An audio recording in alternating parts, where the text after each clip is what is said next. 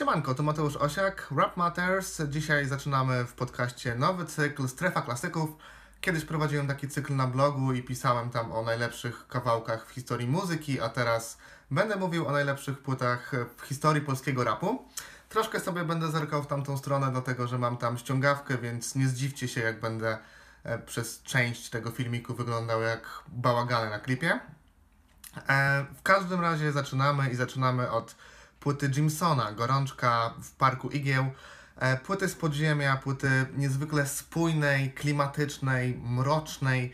E, płyty, która sprawiła, że Jimson w historii polskiego rapu zapisał się złotymi zgłoskami i dzięki niej stał się legendą polskiego rapu, ale po kolei.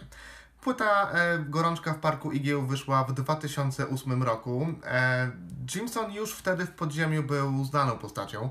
Zaczynał w Top Smoking, e, później z CBK jako miejski klasyk nagra, nagrali bardzo przyjemną epkę Najwyższy Czas e, i w tym składzie wystąpili też na drugim kodeksie. E, solowo od Jimsona dostaliśmy bootleg Gram na Czarno, była też płyta między słowami na bitach Michała, wypuszczona bez zgody producenta, przez co panowie się na jakiś czas pokłócili.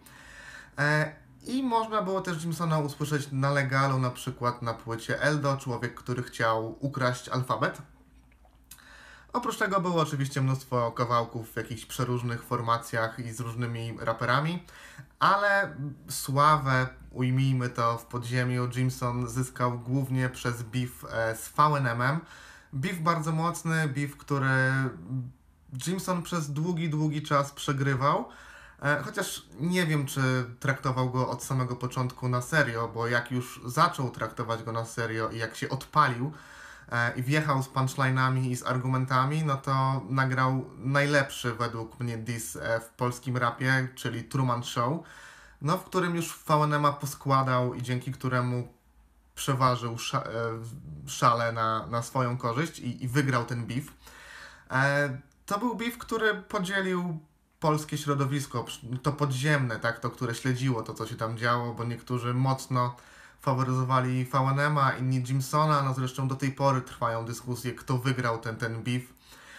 E, no była też taka sytuacja, że jeżeli byłeś fanem Jimsona, to znaczy, że jesteś haterem VNM-a, a jeżeli Jimsona nie lubisz, to znaczy, że jesteś fanem VNM-a, więc no nie było tego środka, nie mogłeś w zasadzie e, być fanem jednego i drugiego, bo to po prostu się nie dało. Albo jedna strona, albo druga. E, co ciekawe, Jimson co jakiś czas podobno gdzieś tam wspomina ten beef i w jego podcaście o, o koszykówce jakieś uszczypliwości w kierunku VNM-a, Elbląga czy, e, czy jakieś follow-upy ciągle się tam pojawiają. Przynajmniej tak mi mówi kolega, który słucha tego podcastu.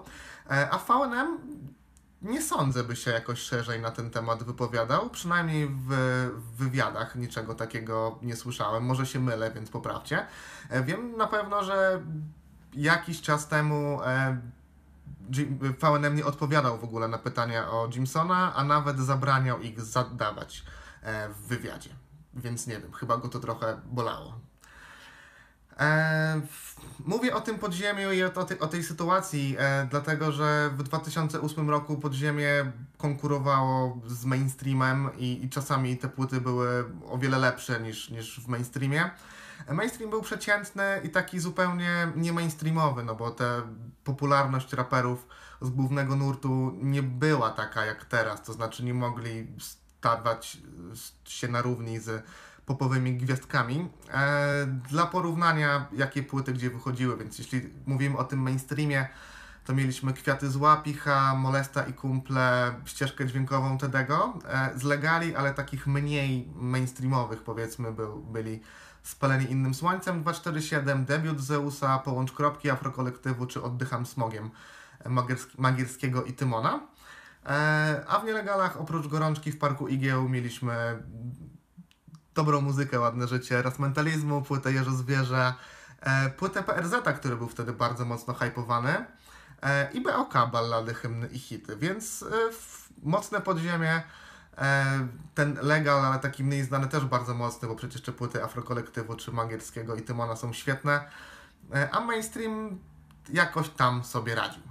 E, a przechodząc już do samej płyty Gorączka w Parku Igieł, no to jest taki poniekąd koncept krążek oparty na historii z Natural Born Killers, e, filmu Olivera Stone'a na podstawie scenariusza Quentina Tarantino. W takim wielkim skrócie film opowiada o parze kochanków, którzy podróżują autostradą 666 po drodze mordując ludzi i, i stając się gwiazdkami w mediach. E, na gorączce jest kilka skitów e, z tego filmu. Jimson niejednokrotnie wspomina Mickey i Mallory Knoxów, czyli właśnie głównych bohaterów. E, I jest też kilka nawiązań do, do scen z filmu. Jeśli chodzi o kinematografię na tej płycie, to też mamy sample z, ze spaghetti westernów Sergio Leone i oczywiście chodzi tu o muzykę Ennio Morricone. E, Bober, producent e, tej płyty, korzystał z filmów za kilka dolarów więcej i za garść dolarów. E, co też uwypukla taki pustynny, meksykański, indiański klimat zarówno tej płyty i za, może tego jednego kawałka, ale o tym za chwilkę powiemy, ale też pasuje do Natural Born Killers. I kończąc ten filmowy wątek, to oczywiście tytuł i okładka płyty pochodzi z filmu Panic in the Needle Park, po polsku Narkomani. E, osobiście na gorączkę w Parku Igieł trafiłem niedługo po premierze. Nie pamiętam już dokładnie jak, ale trafiłem na gorącą ofiarę. Być może dlatego, że jako nastolatek lubiłem czytać e, życiorysy seryjnych morderców e, na portalu zbrodnia killerradom.net albo jakoś tak, na pewno portal jeszcze istnieje, ale możliwe, że na tą stronę trafiłem przez gorącą ofiarę. Na pewno palce maczała w tym postać Petera Kirtena, wspominana w Gorącej Ofierze przez Jimsona. Gorąca Ofiara to w ogóle najlepszy moment tej płyty, jeden z najlepszych momentów w polskim rapie w ogóle. Wspaniale napisany kawałek. Spójrzcie na to w ogóle, jak, jak on jest poprowadzony. On zaczyna się przez e, intro Jimsona, w którym to jego holy shit mówi już o tym, że on ma jakieś ciężkie brzemię do zrzucenia, że to nie będzie łatwy numer. E, sekundę później mówi, że pisze thriller E, wspomina właśnie o Peterze Kirtenie i zestawia go z niewinnymi, eterycznymi, przyszłymi role model. No więc mamy bestię i, i, i piękne dziewczyny. E, dziewczynki może nawet, bo on później wspomina o tym, że razem we dwie mają mniej lat niż wdowa. E, ale takie grzeczne i takie niedoświadczone nie są, co mówią też wersy poprzednie. E, w tle tego, co mówi Jimson, mamy, taki, mamy dwa sample wokalne. Pierwszy z nich e, to taki szeptany sample hiszpański bodajże, też taki upiorny, mroczny bardzo, a drugi to taka spiczowana, wiewiórkowata Ella Fitzgerald. E, i oba te sample też nadają pięknego klimatu tego kawałka. I robią robotę po prostu. Dalej mamy chwilę przerwy, chwilę wyciszenia, i w tle słyszymy tylko takie dzwoneczki uderza, uderzające raz po raz. Magiczny moment, taki budujący tą horrorową grozę, niepokój, no bo ciągle w głowie mamy tego Petera Kirtena i, i, i te ładne dziewczyny. E, no i potem wjeżdża beat i Jimson już zaczyna nam malować obraz. Poznałem ją w grudniu, blada jak upiór, leżała w ogródku jak Kylie wśród róż. E, I znowu mamy bladość, niewinność. Przed oczami staje nam Kylie Minogue z klipu do Where the Wild Roses Grow.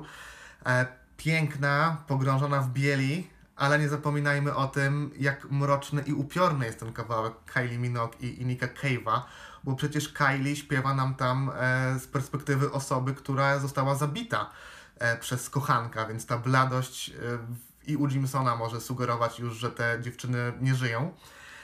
E, kolejne wersy to jeszcze bardziej wymowny i jeszcze bardziej plastyczny opis. Biodra, biodra krągłe jak Australia, nogi jak Skandynawia, oczy jak Amudaria, którą skuł lód. Niby proste porównanie, ale jak trafne, jak uderzające, jak spójne i, i jak piękne. E, później mamy biała skóra, smagła buzia, wiotkie uda. Znowu dość poetycki dobór słów. E, no ten opis bohaterki bardzo sugestywny e, i tutaj odcina się ta część ładna od tej brutalnej, czyli chłód nóż i rozpruty ściek szwów na brzuchu, krew zastygła na niej jak burgund, krew zastygła w niej jak Wezuwiusz. Prosty, sugestywny opis tego morderstwa, krótka wymiana słów, bez żadnej akcji, bez czasowników, e, bez jakichś rozbudowanych epitetów. Chłód, nóż, rozpruty ściek szwów na brzuchu.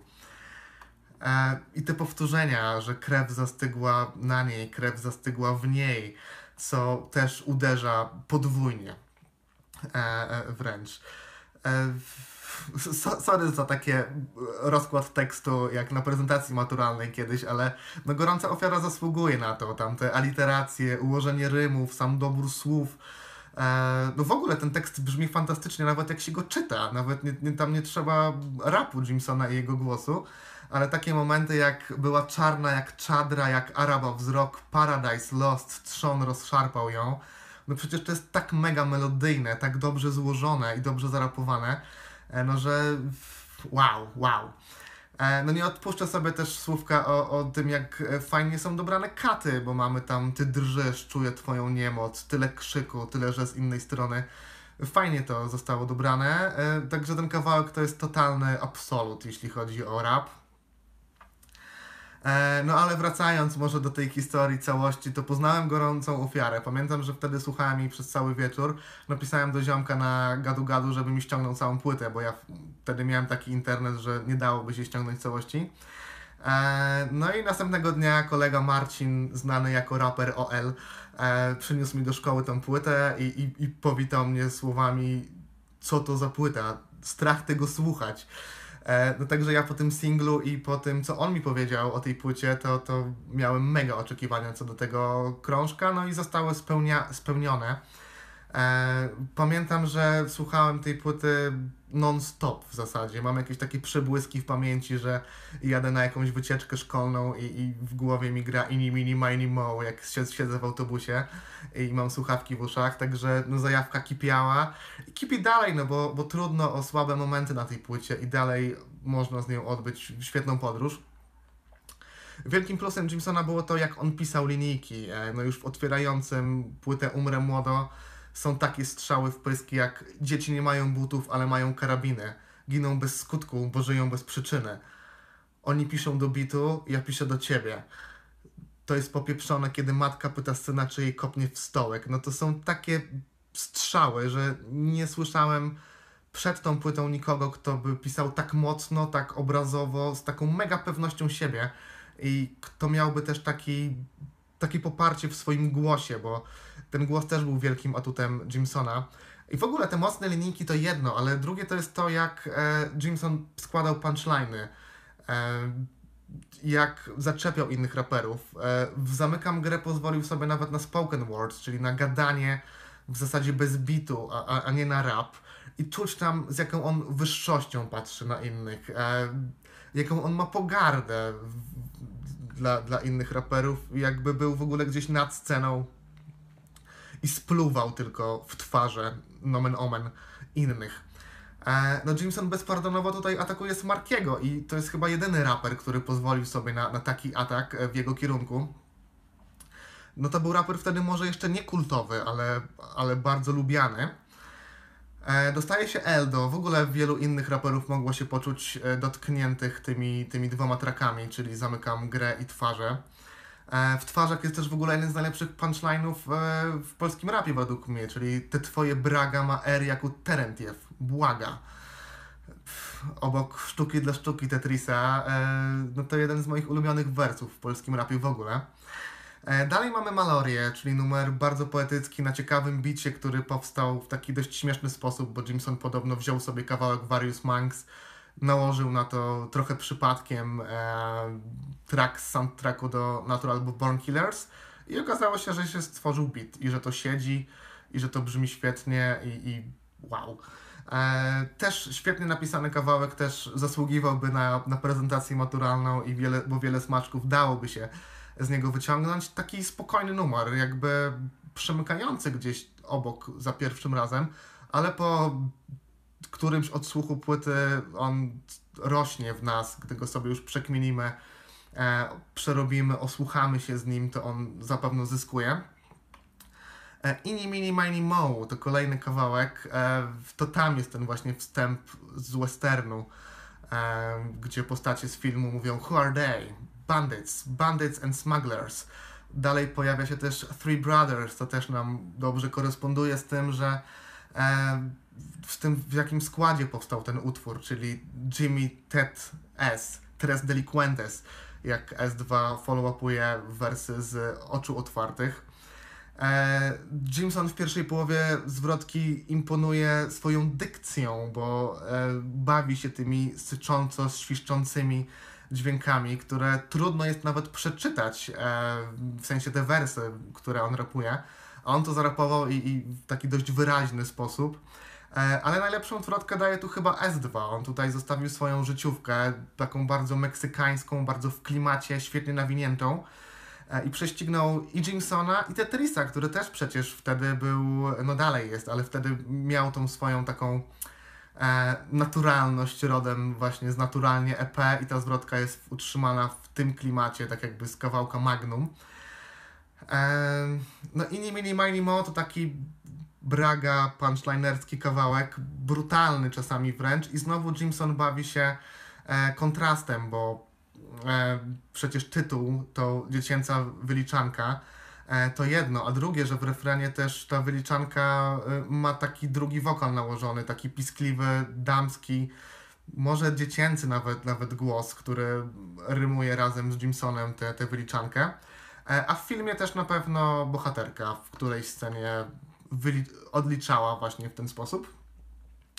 I płyta zamyka kontrowersyjny track, e, w sensie taki bardzo hejtowany na początku numer przez to, że RDI tam śpiewał. E, perkusista się nazywa ten kawałek. Oczywiście jest tutaj więcej instrumentów, jest bardzo jazzowo. Bober dobrał świetne sample. Taki numer jakby oderwany zupełnie od płyty. Mniej mroczny e, i o ile na początku też mi gdzieś średnio pasował, no to teraz wydaje mi się, że on idealnie spina ten krążek, daje takie ujście tym negatywnym emocjom, e, tym upiorom wszystkim. No i idziemy dalej i dalej i dalej, jak etc., gdzieś tam wychodząc z gorączki i wychodząc z tych majaków, które jawiły się nam w głowie podczas tej gorączki właśnie. E, płyta zamyka śpiew RDI i on nie jest idealny, no nie ma co tutaj się oszukiwać, ale nie wyobrażam sobie teraz e, gorączki w parku igieł bez tego outra RDI, więc dobrze, że on tam jest. No i chyba to wszystko. E, no Jimson dzięki tej płycie stał się legendą. Gorączka w Parku Igieł to niezaprzeczalny klasyk, e, jedna z najlepszych płyt w polskim rapie, dopracowana, wspaniale napisana, co podkreślę jeszcze raz. E, no i po niej już chyba Jimson przestał być samozwańcem, jak to sugerował VNM, tylko stał się prawdziwym królem podziemia. Jednym z oczywiście, bo, bo Smarki, Tetris czy Vankej także zasługiwali na to miano. No też ten album chyba też pomógł Boberowi w jakimś tam e, zdobyciu większej popularności. On oczywiście był znany wcześniej, e, no ale GWPI umocniło jego pozycję. Oczywiście pik miał później, bo dopiero gdy Mes wziął jego beat, ale to już chyba temat na, in, na inny odcinek. E, no myślę jeszcze o czym tutaj mogę powiedzieć, bo, bo pewnie jak skończę gadać, to, to coś mi się przypomni i, i będę żałował. E, no ale no to jest taka płyta, o której można mówić dłużej niż, niż trwa. E, no co też jest jej wielkim atutem. No jeśli się gdzieś pomyliłem albo coś przekłamałem, to, to sprostujcie w komentarzu.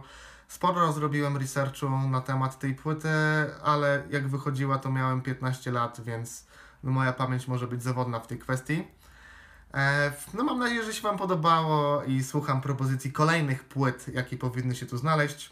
Do zobaczenia.